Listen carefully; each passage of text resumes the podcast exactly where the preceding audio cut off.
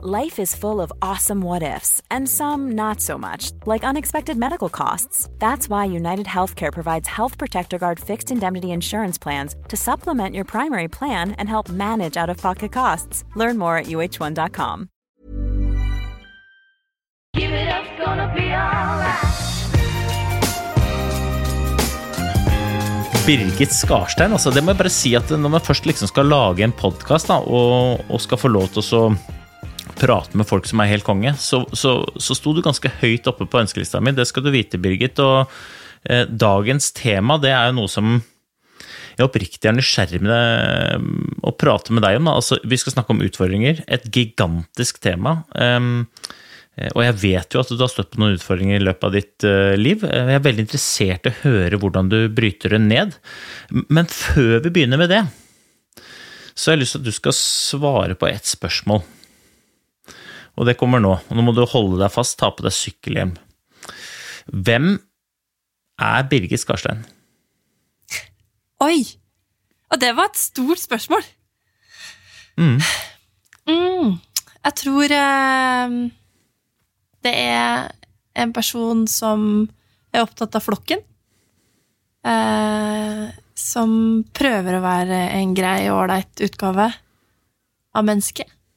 Eh, er nysgjerrig. eh, har ganske mye energi. eh, ganske oppriktig. Um, glad i folk. Og veldig, veldig glad i livet. Hvorfor sier du tror? Fordi jeg har um, Det var vanskelig å komme med et svar som var utfyllende nok, og samtidig kort til å kunne svare enkelt på spørsmålet. Fordi det er så komplekst. Jeg tror alle vi er ganske komplekse. Og så har vi noen sånne grunnelementer som eh, gjør en ganske, utgjør en ganske stor del da, av den vi er. Eh, og ganske stabil del, tror jeg. Um, og samtidig så er det jo så mange nyanser, så det er vanskelig å være bastant.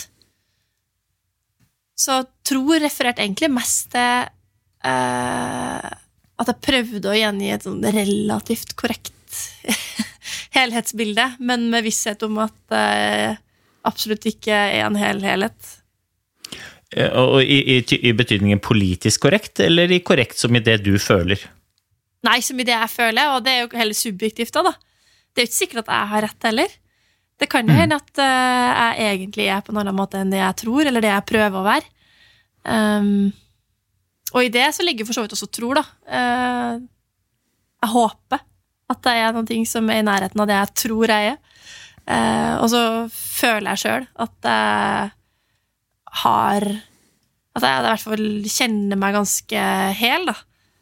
Eh, Og i hvert fall prøver å gjøre så godt jeg kan i å være det. Mm. Du sier prøver, men øh, det er spennende. Jeg, fra utsiden, da, så kan jeg i hvert fall bekrefte at jeg, når jeg er rundt deg, og jeg har fått lov til å være rundt deg noen ganger, og det har jeg satt veldig pris på Jeg kan bekrefte at du er veldig glad i folk, du er veldig positiv, du er veldig sånn inspirerende, og jeg er jo interessert i å høre litt lenger inn i praten av hva det Hvilke føringer det legger for deg, og hvor ofte du kan være bare Birgit og hvor ofte du må ta den rollen som eh, Super-Birgit, som jeg er helt sikker på at du kjenner at du inn- innimellom har. Da. Eh, For det er jo lett at man får å bli litt sånn satt i bås, stigmatisert, enten det er som eh, lam, som du er nå, eller om det er som superkvinne, eller det er som noe helt annet. Um, Og så skal vi prate om utfordringer, da. og Utfordringer er, er jo et gigantisk tema, ikke sant? og det er, liksom, jo så innmari mange ulike fasetter og typer utfordringer, og noen av utfordringene er jo kriser. Eh, Og det er umulig å prate med deg, Birgit, uten også sette konteksten rundt eh, den krisa eller utfordringa eller ulykken eller hendelsen som du eh, var igjennom. Eh, Kan ikke du bare på, på ditt vis bare fortelle veldig kort hva som skjedde, uten, uten å nødvendigvis eh, hoppe over de viktigste delene. Altså fortell hva som skjedde. Jeg jobba i Thailand. Jeg var på et barnehjem året etter eh, videregående. Og mens jeg var der nede, så klarte jeg å skade det ene beinet ganske stygt. Og så hadde jeg en del operasjoner på den foten for å få den bra igjen da, i Norge etterpå. Eh, og på en av de operasjonene så skulle jeg få en epiduralbedøvelse for å gjøre det litt mindre vondt, da, rett og slett, å ha den operasjonen. Um, den skulle lamme hofta. Jeg skulle flytte litt bein fra den ene hofta ned i leggen. Og da eh, lamma det i hofta og begge beina. Og så skjedde noe da jeg fikk den epiduralen som gjorde at den ikke gikk ut igjen. Og da våkna jeg og var lam, da. Da jeg var 20 år. Hva, hvordan um, Hva tenker Birgit Skarstein da? 20 år? Jeg tenkte at dette her eh, er jo en vond drøm. Du tror jo ikke at det skal skje med deg. Det er sånn, sånne ting man hører skjer med andre. Eh, eller at noen blir sjuk eller skada, men, men, det er helt absurd å tenke seg at det skal skje en sjøl i eget liv. Eh, så jeg tenkte, jeg tenkte at dette her passer jo ikke for meg. Jeg passer jo ikke til å være lam. Jeg er altfor rastløs, jeg har altfor mye energi, jeg er altfor mye opp og ned og hit og dit. og eh, mye, mye, på farta. Eh, jeg passer ikke til å være lam. Da. Det er ikke et liv som, som ligger veldig lett i det livet som jeg kjente fra før. Unnskyld. Unnskyld. um, men, eh, men, jeg tenkte at um, det er ganske fort at det er noen ting jeg ikke får gjort noe med. Sånn at det var ikke noen ting jeg egentlig kunne påvirke i seg sjøl. Jeg måtte bare prøve å ta det sånn som jeg kunne. Og så tenkte jeg ganske kjapt at det er ingenting som er lovt deg i livet, da. Det er ingen som gir deg en bok når du blir født, som sier sånn sånn her skal det bli. Så jeg fant ganske tidlig ut at jeg kan ikke sitte og si at det her var feil, eller det var ikke sånn det skulle være, eller tenke at alt var mye bedre før, eller det, hva som kunne ha vært. Fordi det, det, du må forholde deg til det som er. Og jeg er nok som type ganske realist, da. Eh, jeg er mm, pragmatisk, og eh, jeg syns det er enklest å navigere hvis man er så åpen og ærlig som mulig da, om hva det er som er ståa der man er. Altså Når vi er inne på det her med utfordringer, da, så, så er jo det ganske viktig at du vet hvor du står, for å vite hvordan du kan komme deg dit du vil. Så mm, jeg begynte ganske tidlig med å prøve å jobbe meg tilbake til det livet jeg kjente så nært det lot seg gjøre, da, og prøve å finne ut hvilke ting var det som var viktig for meg for å ha det bra. Hva var det jeg trengte å, å finne ut av for å kunne leve videre med det nye utgangspunktet. Da. Så jeg var, jeg var, nok veldig kjapp til å akseptere eh, at, det, at det, det, var sånn det ble, eh, og prøvde å jobbe med det som utgangspunkt framover. Å definere liksom ganske kjapt, da, for at dette høres jo um, det høres jo veldig politisk korrekt ut, da, for å utfordre litt. Og det, og det er nok uh, veldig fornuftig det du sier, men uh, samtidig liksom, definer uh, hva veldig fort er, og definer hvilke følelser du kjente på. Var det, var det rett på aksept, eller var du innom sorg, sinne, forbannelse? Altså, ja. Nei, altså, jeg tror jo at alle faser Uh, vi har jo forskjellige faser generelt i livet, faser som er mer krevende. Og, um, jeg var innom ganske mange av de følelsene der, men over et langt strekke. Da.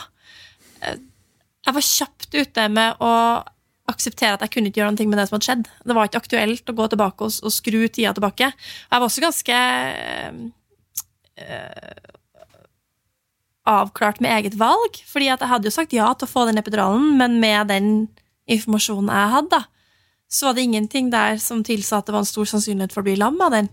Så jeg kjente jo at det valget var jo ikke noe det var noe verdt å sitte og angre på. Det er uansett ikke verdt å sitte og angre på ting, for du får ikke gjort om det etterpå. Um, så mens jeg lå på sjukehus, altså rett etter at jeg ble lam, så lagde jeg en liste med alt jeg har, og alt jeg kan, som var typ sånn Jeg har to friske armer, eh, jeg har klart hode, jeg kan prate, jeg kan høre. Jeg kan se. Jeg kan eh, ta imot sanseinntrykk og prosessere følelser, og jeg har gode venner, og jeg studerer et fag jeg syns er kjempespennende. Og jeg, har, og jeg har ikke kreft, og jeg har ikke blodpropp, og jeg har ikke syster, og det er masse jeg ikke har. Eh, jeg har et superflott helsevesen. Jeg har jo masse muligheter.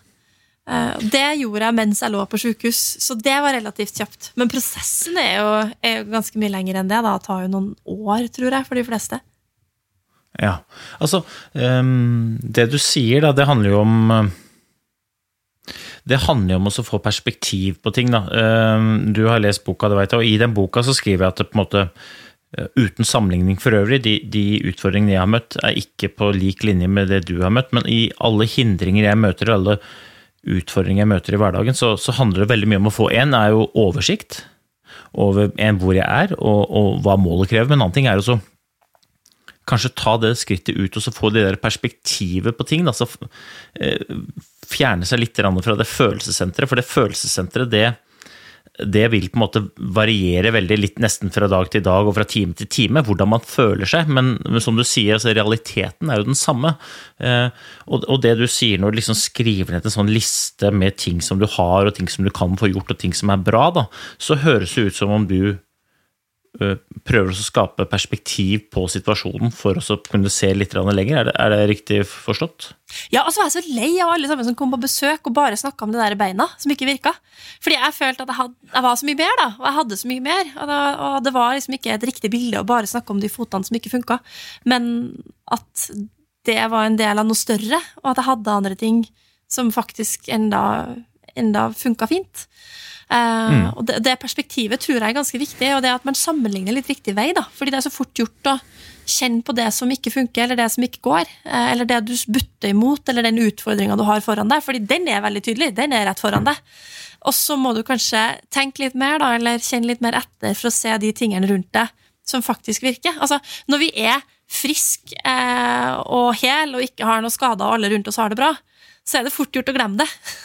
Mm. Så det å faktisk sette seg ned og være litt sånn takknemlig for de tingene man faktisk har, um, det tror jeg er ganske viktig. Uh, og det at en tenker at en skal bruke det en har, så godt det lar seg gjøre. fordi det er fort gjort at en blir liksom blind på det som er trøblete, fordi at det er så tydelig. Mm. Ja, og så det du sier Eh, det der med å få tak i de tingene du kan påvirke, det tror jeg er liksom Jeg, jeg, tror det er en fellesnevner for alle, alle typer utfordringer, da, uansett om det er uh, kriser sånn som dette. Jeg vet ikke engang om du definerer det som en krise, men uh, jeg opplever det at det er jo uansett kontekst man står i, så er det jo alltid ting man kan gjøre noe med for å påvirke situasjonen i størst mulig grad til sånn som en selv vil, enten at utfallet skal være, eller følelsen skal være. Da. Uh, og jeg husker sjøl når jeg lå Eh, i, på Rikshospitalet med, med hjerneinneblødning, så, så, var jeg ganske raskt inne i, i, akkurat samme type metodikk å angripe det på. Da. Så den derre få oversikt over hva som har ført meg hit, og så få oversikt over hva jeg kan påvirke, og så legg fokus på det. Og da oppdaga jeg veldig fort at jo, jo, mer jeg hadde fokus på det, det lille jeg kunne påvirke, desto større ble jo mulighetene. Mens de begrensningene som på en måte lå der og var var jo egentlig enorme, og det er jo samme med deg. Ehm, de blir mindre synlige. De blir ikke nødvendigvis borte, men de blir jo mindre synlige gjennom at jeg setter flomlyset på alle de tingene jeg kan gjøre noe med. Men det krever jo den derre det krever den der aksepten i bånn, om at eh, det er her jeg står. For det er jo lett. Eh, og Her må du arrestere meg hvis du er uenig, men er det ikke lett å bruke utfordringer som et slags sånn marinade som man nesten kan kose seg litt med? Altså sånn, nå er det greit for meg å bare gi, gi blaffen, fordi at nå er det så mange ting som går imot meg, så det vil alle skjønne? Eller er det feil å si? Nei, jeg tror du har helt rett. Jeg. jeg tror at det kan være en utfordring. Og så tror jeg også det kan være en utfordring at man ikke anerkjenner hva utfordringa innebærer. Eh, altså det var jo mange, faktisk overraskende mange, som kom til meg, liksom mine venner og nære, eh, og klappa meg litt på skuldra og var litt sånn Ja, men det ordner seg, det her, vet du. Du skal jo gå igjen, du.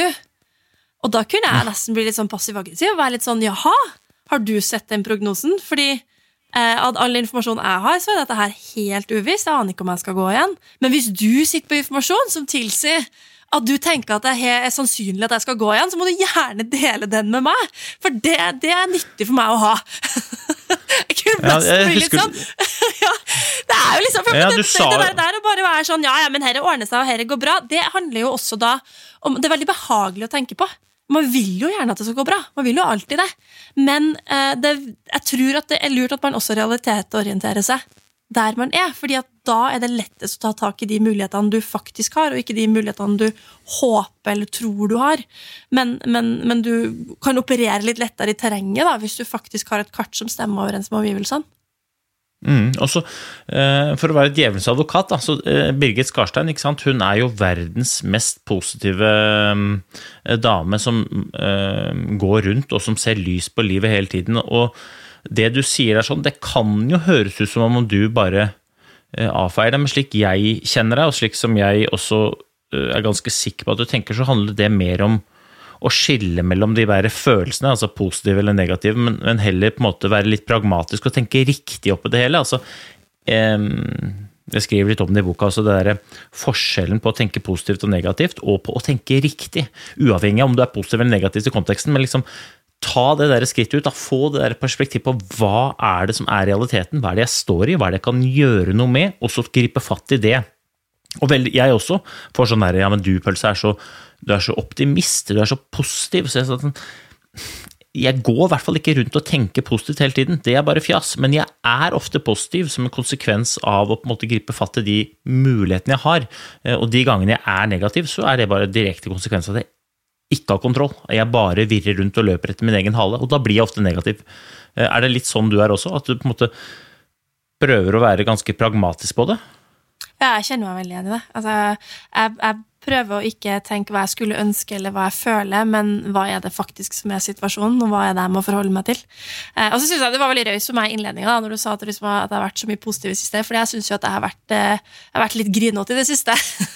så du har jo sett meg på en litt sånn litt grinete sted, fordi det er så mange ting vi ikke har kontroll over. Altså det, med alt det som skjer med korona nå, eksempel, og vi er liksom på A, B, C det er, vi begynner liksom å nærme oss plan F.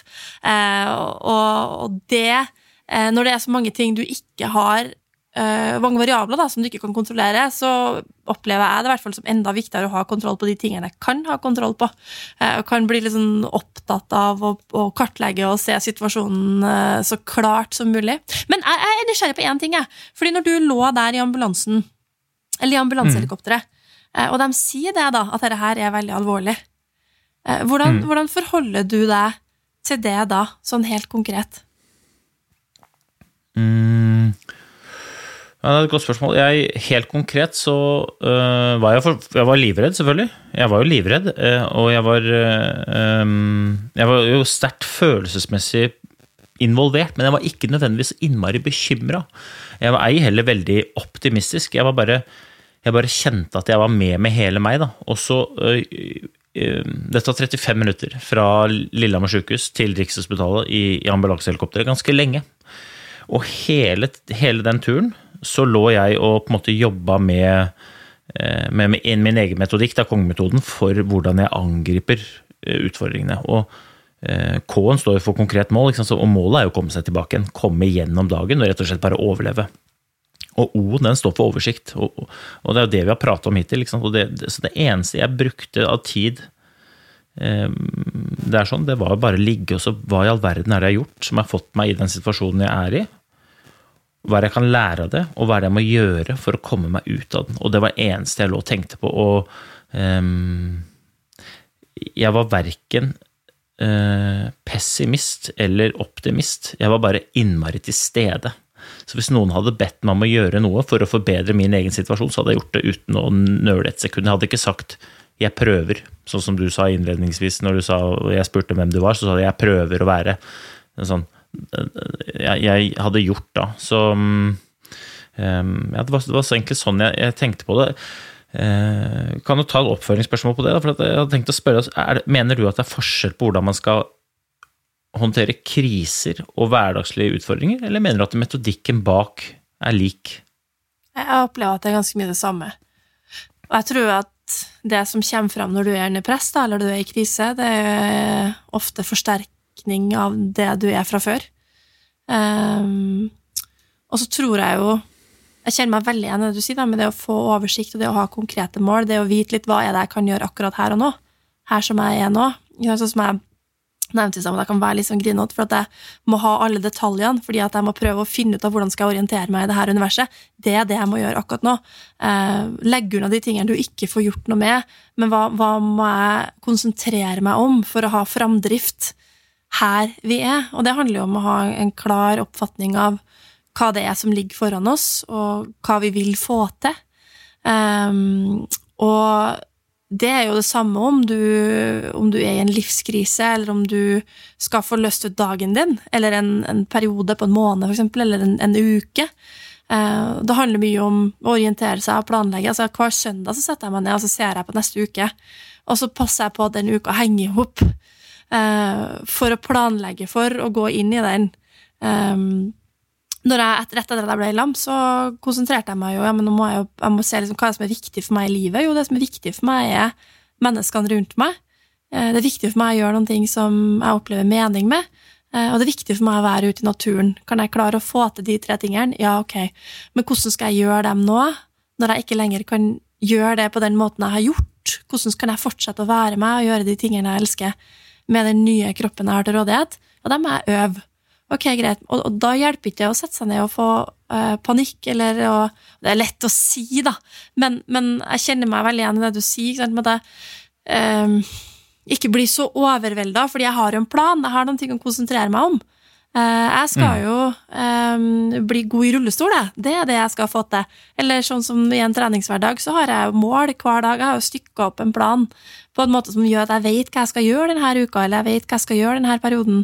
Eh, Jeg vet hva jeg skal konsentrere meg om, og da er det mindre kapasitet igjen til å uh, bli stressa, og, og at det blir mye emosjonelt kaos, da. Men jeg er igjen ganske praktisk pragmatisk, og det opplever jeg jo egentlig at du er også. Ja, eller jeg pleier å si at jeg er ganske enkel. Altså sånn, fordi at øh, altså, jeg mener at det er ganske øh, universelt. Da. Altså, når du møter noen utfordringer, så er det uansett om du vil eller ikke, så vil du bli følelsesmessig involvert. Og de følelsene, følelsene de kan spille enten god eller dårlig, men jeg liker også ikke overlate ting til tilfeldighetene. Jeg liker å få oversikt, og så liker jeg også å sette ting i struktur, slik at jeg faktisk kan gjøre noe eh, etter en plan. For da bruker jeg så mye mindre overskudd og energi på å gjøre det som skal til for å få til det jeg har lyst til å få til. Så Det er derfor jeg sier at eh, em, når jeg lå i det helikopteret, så bare fikk jeg oversikt, slik at eh, noen kunne fortelle meg hva jeg kunne gjøre. Og så satte jeg det bare i struktur, og så begynte jeg å gjøre. Eh, Og jeg, jeg vet jo at det er samme deg, samme som du, eh, samme måte som du jobber, da. Men eh, når du ligger der i, i sjukesenga og blitt lam, følte du da For jeg føler jo ofte at hvis man snakker om utvikling, da, hvis man ikke snakker om utfordringer, men snakker om utvikling, så er det veldig mange som føler at utvikling eller endringer er utfordrende. Eh, Og et av de største hemskoene da, det er jo da hvordan vi prater til oss sjæl. Det er jo den derre selvsnakken som vi har, den styggen på ryggen, kall det hva du vil. Og, og selv så pleier jeg å si det at eh, den vi har vært, ofte står i veien for den vi kan bli. Eh, og når du ligger der og har blitt lam, så er det et sånt der lite identitetsoppgjør som du måtte ta. da, hvor Åssen løste du den koden? Åssen ble på en måte gamle Birgit til nye Birgit under helt andre forutsetninger? Nå er du egentlig inne på det spørsmålet som du stilte i stad, med alle de følelsene eh, og den perioden. Jeg var ganske kjapp til å akseptere hva som hadde skjedd. Eh, jeg var kjapp til å akseptere at jeg ikke kunne endre det. Eh, og jeg var kjapp til å akseptere at nå har jeg et nytt utgangspunkt. Men det tok meg et par år å akseptere konsekvensen av det.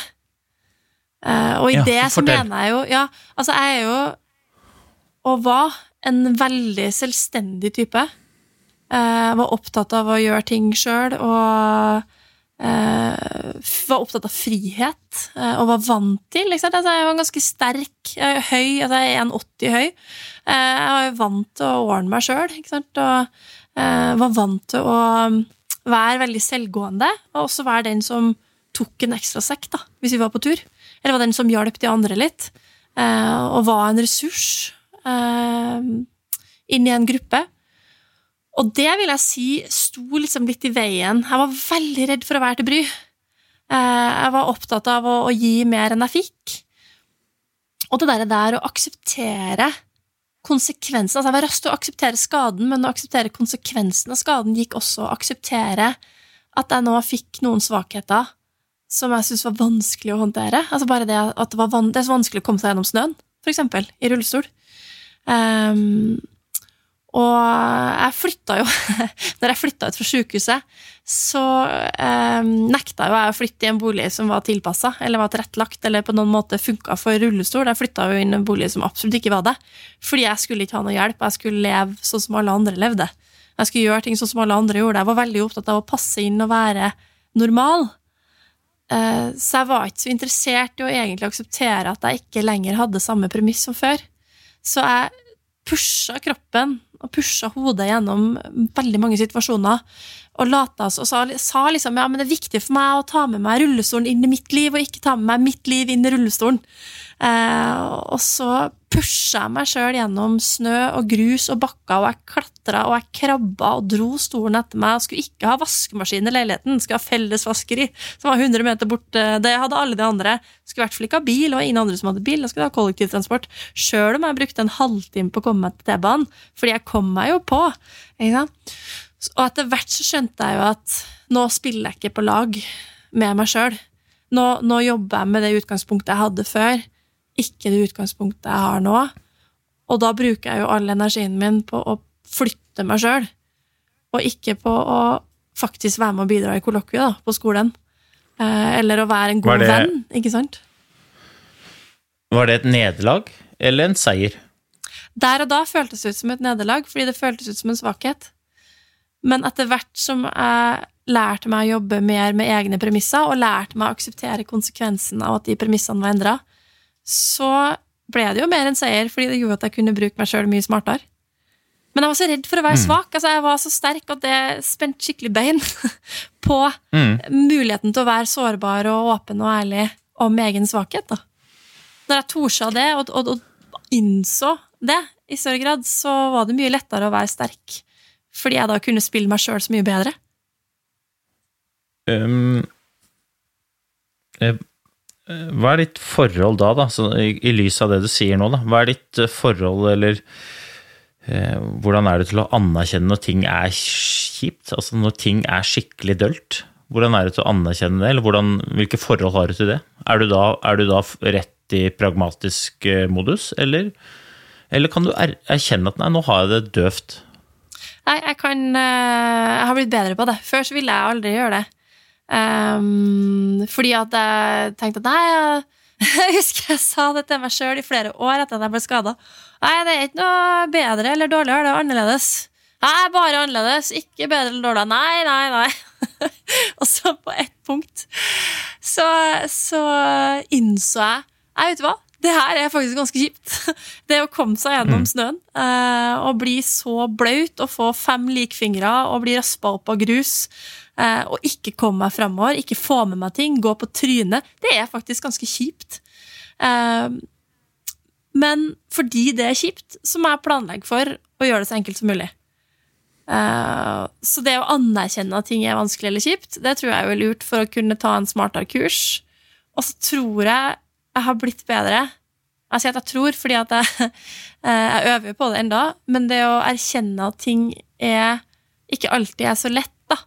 Men jeg har en sånn har en sånn hang til å bare fortsette å gå. Eh, Og så har jeg lært at hvis jeg, hvis jeg biter tenna sammen og bare går helt til jeg går på grusen, så er jo ikke det noe smart for det lange løp heller. Så det å faktisk stoppe opp og kjenne at ok, det er greit å føle at dette her ikke er så artig, eh, men igjen, da prøver jeg å ta et skritt tilbake og tenke hvorfor er ikke dette her så artig? Hva er det som gjør at jeg syns dette her er krevende og vanskelig? Kan jeg gjøre noen ting for å fungere bedre? Eh, ser jeg et mønster her? Har jeg sett det her før? Altså nå under korona, for eksempel. Jeg har sett, nå har vi hatt korona i to år, og jeg har sett det eh, hver gang jeg er isolert helt alene over lengre tid, så blir jeg veldig lei meg. Eh, og jeg klarer ikke helt å sette fingeren på akkurat når det skjer, men gradvis så blir jeg mer og mer lei meg, eh, til jeg til slutt bare går og er lei meg. Og nå vet jeg jo at det skjer, for det har jeg jo nå sett det mønsteret på, så det gjør at det er lettere for meg å kunne planlegge for at det ikke skal skje da, i opplegget framover. Samtidig som det er også liksom viktig å si sånn ja, nå syns jeg ting er litt, litt krevende, faktisk. Så bare et lite break nå i episoden, for at uh, denne episoden den gjør jeg sammen med mine gode venner i Coop. ikke sant? Og Coop det er jo å finne folk, men jeg må være ærlig og si at jeg setter jo nesten like mye pris på kaffen. ikke sant? Altså Coop kaffe, min personlige favoritt, det er smaksserien uh, og type Kenya-bønner. Ah, du får ikke bedre.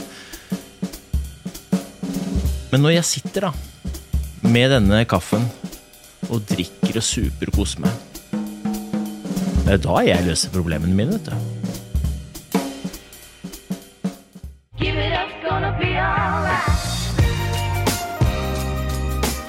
Jeg sitter med en eh, lag en god dag-genser, ikke sant. Jeg går rundt og, og messer eierskap til at folk må lage gode dager. Um, og jeg også får den derre Men hva med de dårlige dagene? Um, jeg, jeg, jeg tror at det er veldig viktig da, å erkjenne og anerkjenne de, situasjonen sånn som den er, og det er lov til å kjenne på at ting er skikkelig drit. Og så um, ikke, ikke fordi at man skal liksom gå og marinere seg i det for lang, over for lang tid, men fordi at eh, ved å kjenne på at man har det kjipt, så kjenner man jo den følelsen at men sånn her vil jeg ikke ha det. Og da er jeg akkurat som deg, da er jeg tilbake til ok, men hva er det som er årsaken til at jeg føler meg sånn som jeg gjør?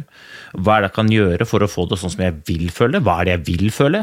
Gjøre det, og så på en måte øh, flippe situasjonen, slik at det da blir lag en god dag ut av de forutsetningene man står i. Men øhm, jeg, jeg, tror, jeg, tror, det er veldig sunt å, å, erkjenne det der greiene der, slik at man ikke hele tiden skal gå rundt og være den naive, fyr, optimistiske fyren eller dama som bare kjører på, for det, det vil ikke gå, da. Og, um, altså Det er jo egentlig Det er jo kontrastene som gjør at det, det gode er godt og det dårlige er litt dårlig. Altså det å kjenne på ytterpunktene, kjenne på liksom hele, hele spennet. Jeg, jeg, jeg lar meg fascinere over unger, f.eks. Altså I løpet av én dag Jeg har to flotte unger, en på seks, en på ni. og De er helt supre, og så er de helt grusomme. og et, Den pila den svaier mellom hele tiden. Men i løpet av en dag så er de gjennom hele følelsesspekteret. Mens jeg tror veldig mange voksne liksom går litt i midten litt inn i den komfortsona hele tiden, og så tør vi ikke helt å verken gå den ene eller den andre veien. og da da mister vi jo veldig mye både læring, men også opplevelser og følelser. Altså, det er jo kontrastene som gjør det, gjør det spennende. Og så um, tror jeg det er en styrke, da, hvis man Hvis man anerkjenner den der vonde følelsen og griper fatt i den, så tror jeg det er en styrke. Eh, jeg tror ikke det er noe skummelt å gå rundt verken og være litt uh, nedfor eller litt deppa eller umotivert for den saks skyld, i perioder. Eh, det er jo den dagen man er likegyldig til det. At man må være bevisst, da. Og, det er jo litt sånn Det kan jo være litt I en sånn situasjon som deg, så ser jeg for meg at man enten blir veldig bevisst på at dette må jeg ordne, eller så kan man til slutt akseptere eh, at man har blitt deppa og blir litt likegyldig til det, eller? Ja, det tror jeg. Så tror jeg det er viktig der å ha perspektiv òg, da. Eh, og, og huske på hvorfor man gjør det. Eh, å finne, finne gleder og finne mål. For eksempel, jeg vet at det er bare i perioder nå. Eh, at det går jo over. At det kommer en dag hvor det bare ikke skal være så isolert igjen. da. Eh, eller prøve å kjenne igjen ok, hva er det, hva kan man gjøre for å sørge for å fylle på når det ikke fyller seg sjøl. Um, og, og, jeg tror også en del av det her handler jo også om å ha et avklart forhold til egne egenskaper. Hvem er du? liksom? Hva er dine styrker, hva er dine svakheter, hva trenger du for å ha det bra? Eh, hva, hva, er det man må være bevisst? jeg er for eksempel jeg er veldig sosial. Jeg er veldig glad i folk. Eh, glad i flokken og finner mest mening og glede når jeg har noen å dele eh, spesielt da, liksom arbeidshverdagen med, da, som jo for meg er en treningshverdag nå.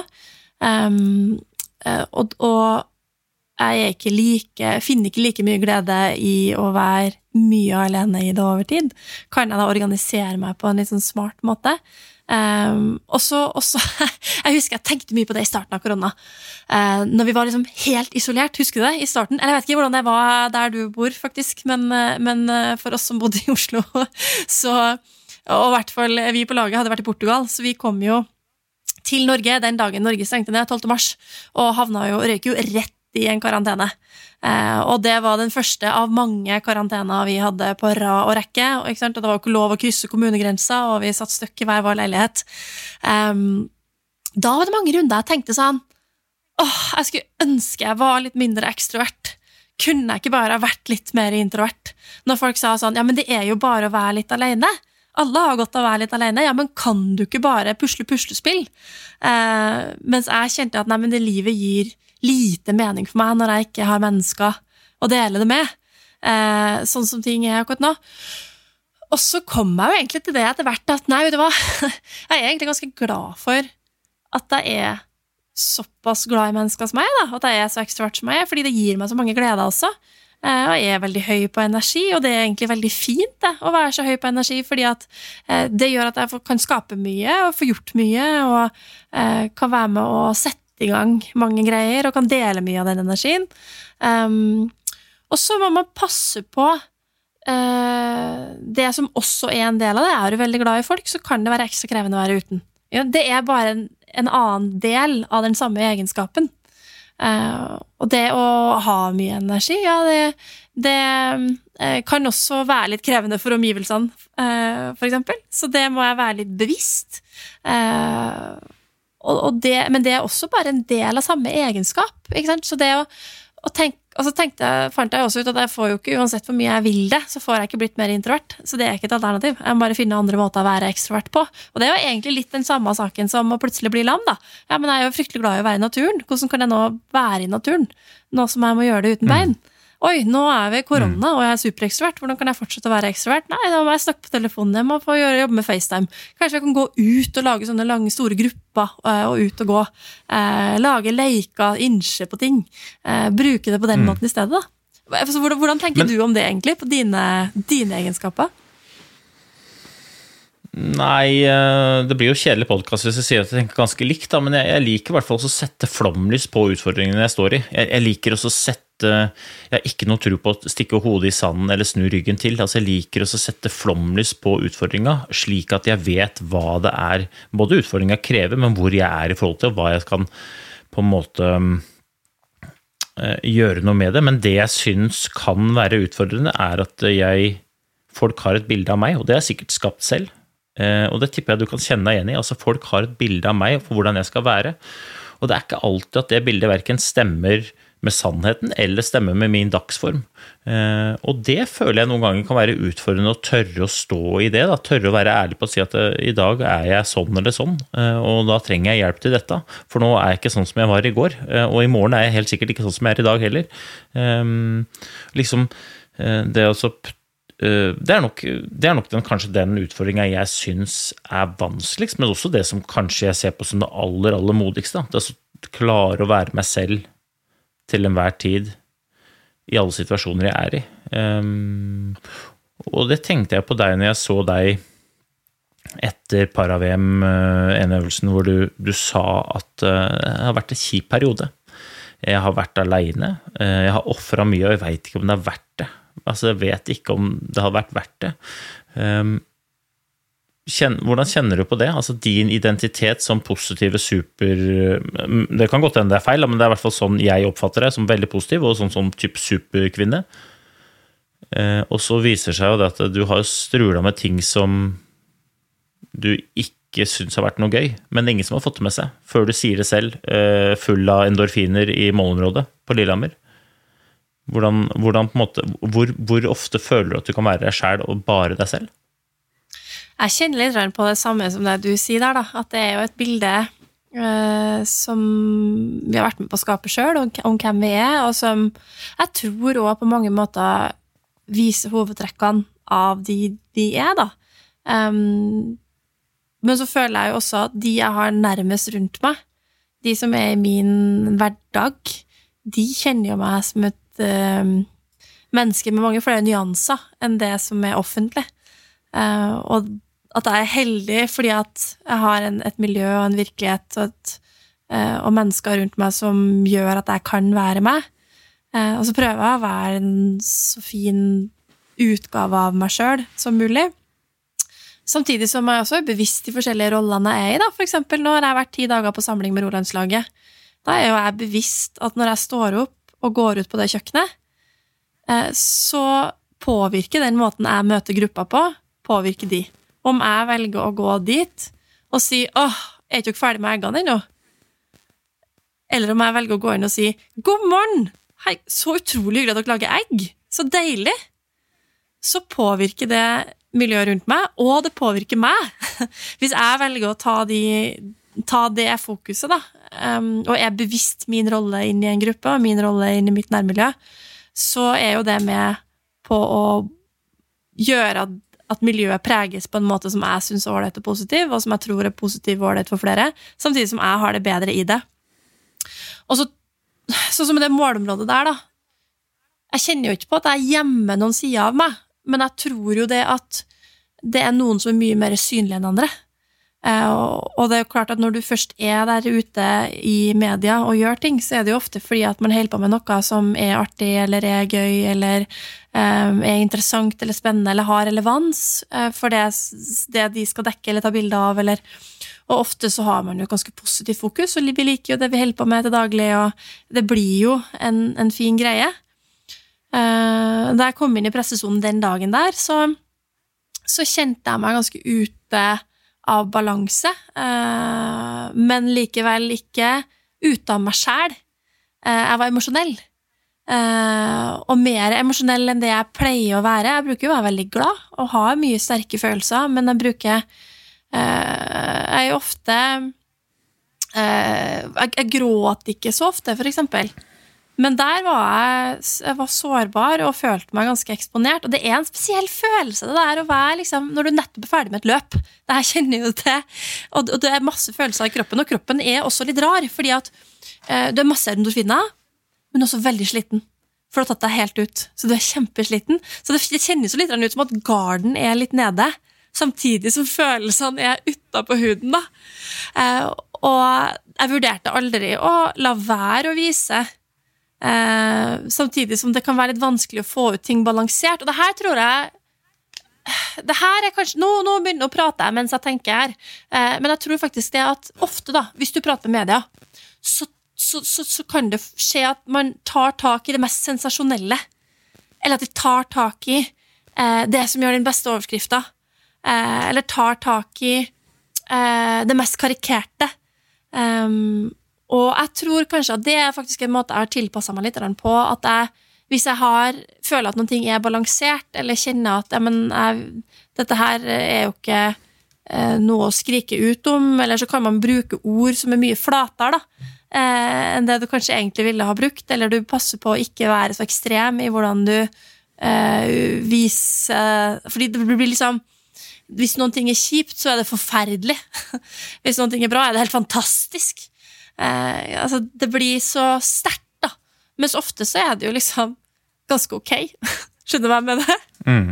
Ja, jeg skjønner hva du mener. Jeg skjønner hva du mener, Men um, altså, i, i møte med utfordringer altså, Alle sammen har jo litt Vi kjenner jo litt motstand der. Sånn. Altså, uansett hvor god man er til å tenke riktig, uansett hvor god man er til å få perspektiv, uansett man er god til å liksom, måtte, distansere seg, være pragmatisk og på en måte prøve å løse utfordringene så er det jo litt motstand der sånn. ikke sant? Og vi kan jo putte de inn i en fellesbetegnelse som folk kjenner, og kalle det for dørstokkmila. da.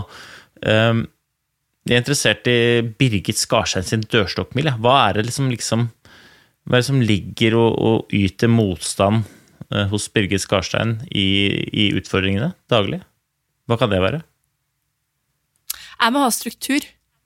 Eh, fordi at jeg kan eh, bli litt slukt inn i det jeg holder på med, for eksempel. Altså hvis jeg Ja. setter meg Så hvis det ikke Ja. er struktur, så er det på en måte et hinder for oss å gyve løs? Ja. Fordi at da eh, Da kan jeg fort bli liksom revet med. Og så mister jeg tida, for eksempel. Ehm, så jeg må ha en sånn avtale med meg sjøl om at nei, men jeg har første klokka åtte, og da går jeg ut. Eh, og så spiser jeg lunsj, og så kan jeg jobbe, og da jobber jeg så og så lenge, og så er det ut på andre økt. Og så er det inne, og så jobber jeg så og så lenge igjen. Um, og eh, det planlegger jeg jo for, og jeg vet at jeg trenger. Uh, så, Ja, så, ja. så når jeg stiller deg spørsmål om hva som hindrer så, så, så svarer du med løsningen på problemet? Ja. Så, ja, det er veldig jeg, jeg, altså det er også det, Der har du Birgit Skarstein i et nøtteskall, folkens. Jeg spør henne hva er problemet, og så svarer hun med løsningen. Altså Det er sånn Jeg trenger struktur. Og så tenker jeg hm, Er det problemet? At, nei, ja, ja, det er veldig ålreit. Det er jo da øh, Det er jo steg tre i modellen, nøyaktig planlegging. Eh, Og jeg er, helt, jeg er helt enig med deg. Hos meg så er det jo Jeg kjenner jo ofte på jeg kjenner jo mest på, kanskje på frykt for mislykkelse og forfengelighet. Altså, jeg liker ikke å mislykkes. Ikke fordi at jeg tror at jeg mestrer alt på første forsøk, men fordi at jeg er så opptatt av hva folk syns om meg. Tro det eller ei, altså her er det en fyr, sledda rundt i skiløypa hele livet, ikke vunnet noen ting med mindre noen blir syke, og så jeg, altså går jeg rundt og er forfengelig. Eh, Men kjenner du noe på forfengelighet, eller er det et tilbakelagt kapittel? Nei, jeg gjør jo det. Jeg vil jo veldig gjerne gjøre en ordentlig jobb, i hvert fall. Um, ja, ja, altså jeg er kanskje mindre enn før, fordi at nå er jeg veldig forsont med det at så lenge jeg gjør så godt jeg kan, så er det det som betyr noe, da. Men, men jeg kjenner jo på et sånn visst ansvar, eh, og at jeg har lyst til å gi noe tilbake til alle de som jeg vet legger noen ting i at jeg skal kunne holde på med idrett, da, for eksempel. Eh, og, men det igjen kan jeg jo bare gjøre gjennom å gjøre så godt jeg kan, da.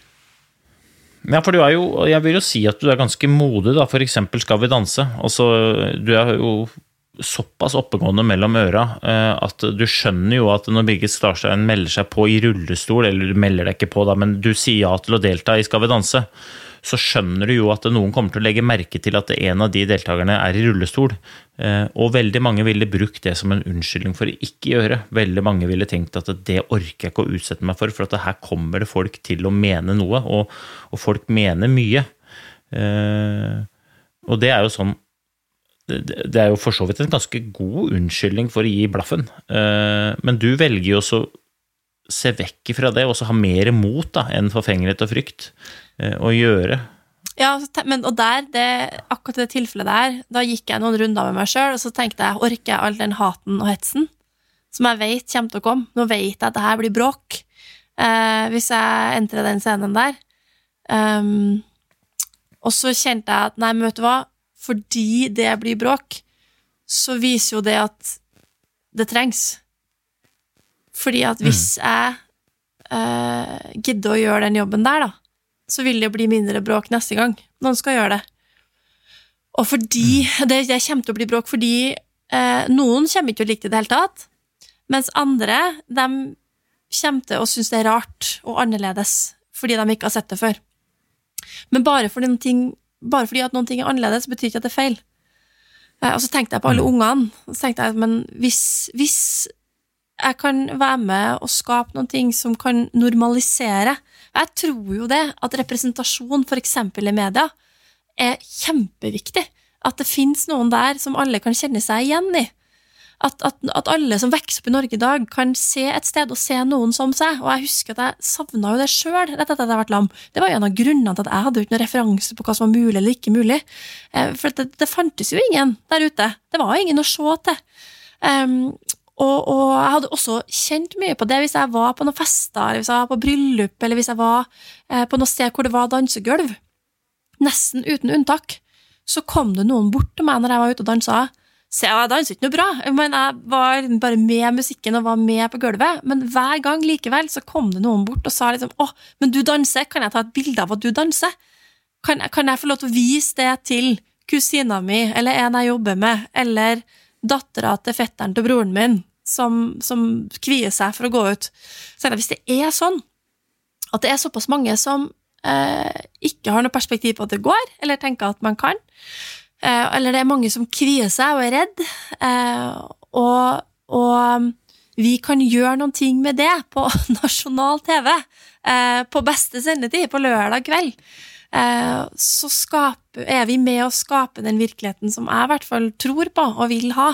Og hvis unger kan vokse opp og ikke se den stolen Hvis de kan vokse opp og se, og det, det fikk jeg jo heldigvis veldig mye respons på etterpå, da, dama i gullkjolen, og ikke dama i rullestol. Akkurat sånn som unger er mye flinkere enn voksne på å ikke snakke om hudfarger eh, eller andre ytre ting da, som, som det er fort gjort for noen å henge seg opp i, men som virkelig ikke betyr noen ting. Eh, Så er man jo med å skape et samfunn som er liksom blind for de ytre tingene, eller i hvert fall ikke legger like mye vekt på det. da. Og så tenkte jeg at jeg er jo heldig, det er jo perspektiv, altså når vi snakker liksom om ensomhet og eh, det der å være mye alene og sånne ting, altså en av de tingene jeg tenker på da, er jo ja, men jeg er jo også heldig fordi jeg har mange nære, jeg har mange jeg er glad i. altså det igjen det er man tilbake til det å huske på det perspektivet. Det tenkte jeg på Skal vi danse òg. Jeg er jo veldig heldig fordi jeg står ganske robust. Jeg har vært skada lenge og står stødig i meg sjøl og har et veldig robust og trygt nettverk rundt meg. Jeg tror jeg har tjukk nok hud til å tåle det. Eh, og da så tror jeg jo at livet handler om å bytte på å ta den tyngste sekken, da. Eh, og da må vi alle sammen opp og dra litt av og til. Altså, jeg hyller det, det må du bare vite at jeg syns det der er drita tøft. Da, og jeg håper jo at det kan bidra til å så gjøre øh, Gjøre en forskjell.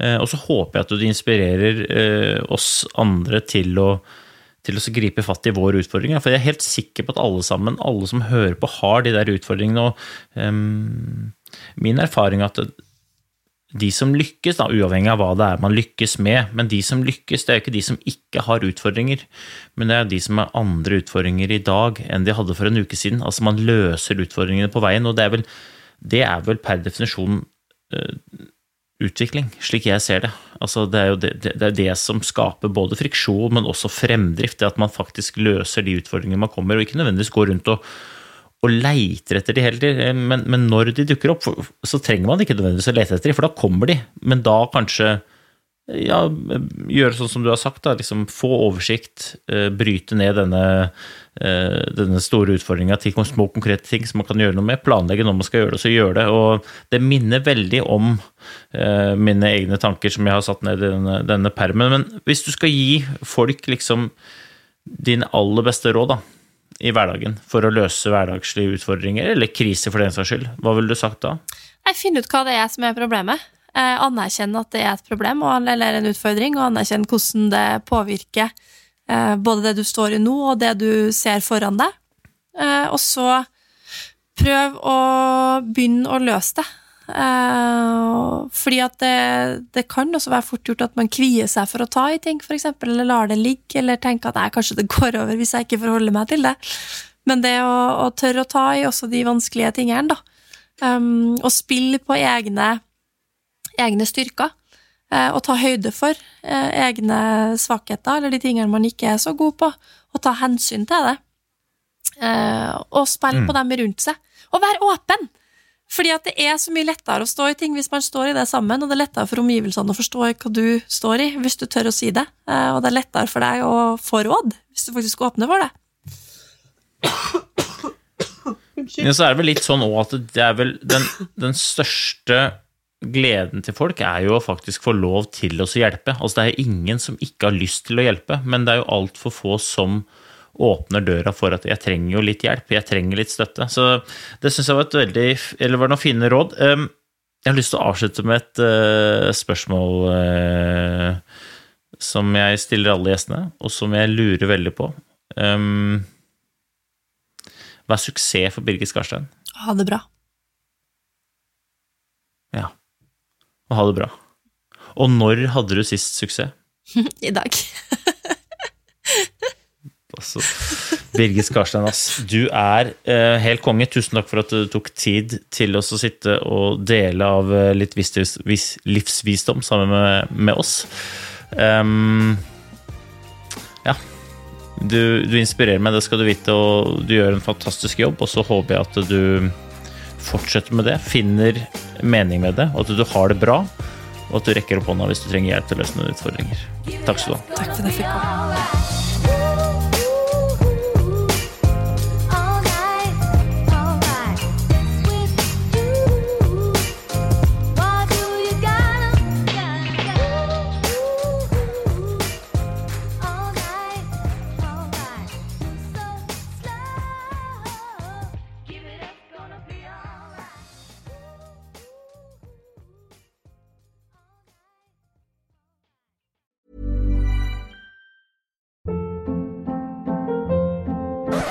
Up. What was that? Boring. No flavor. That was as bad as those leftovers you ate all week. Kiki Palmer here, and it's time to say hello to something fresh and guilt-free. Hello Fresh. Jazz up dinner with pecan-crusted chicken or garlic butter shrimp scampi. Now that's music to my mouth. Hello Fresh. Let's get this dinner party started. Discover all the delicious possibilities at hellofresh.com.